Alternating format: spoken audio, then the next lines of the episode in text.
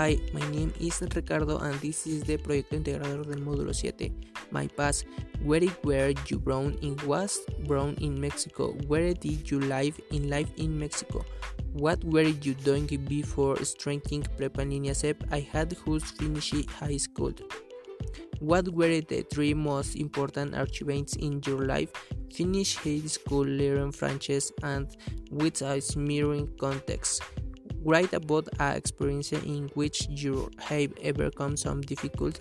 I found it difficult to swim again since I had injured my ankle in a soccer match over very constant training and the desire to hit a head made in win the smearing contest. Describe your school and work routine.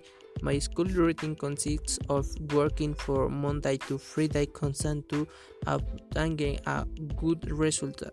What do you in your free time? In my free time, I usually play sports, be it soccer or basketball. What were skins of Charlene and your drinking to overcome? I currently overcome this obstacle which is learning English.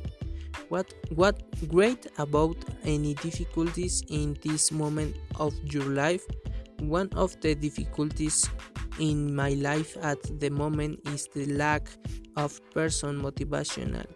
What are you doing to overcome those difficulties? I try to finish ways that I can strike motivation and what to learn more.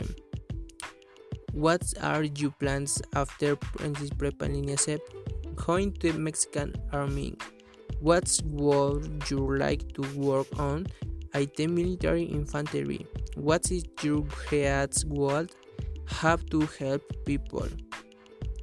During the last two modules that I passed, which very bottom English, I feel it good since something new in my life that we should serve me a lot in the future in addition to keeping me very motivation during these last two months. Since uh, previously I did not have good um, good grades but this last two modules I realized that I can achieve more and raising my grades um, since if it cites positive and wants to head ahead, I, w- I will be able to finish high school um, with a good grade in addition to Ganishik know very usually full.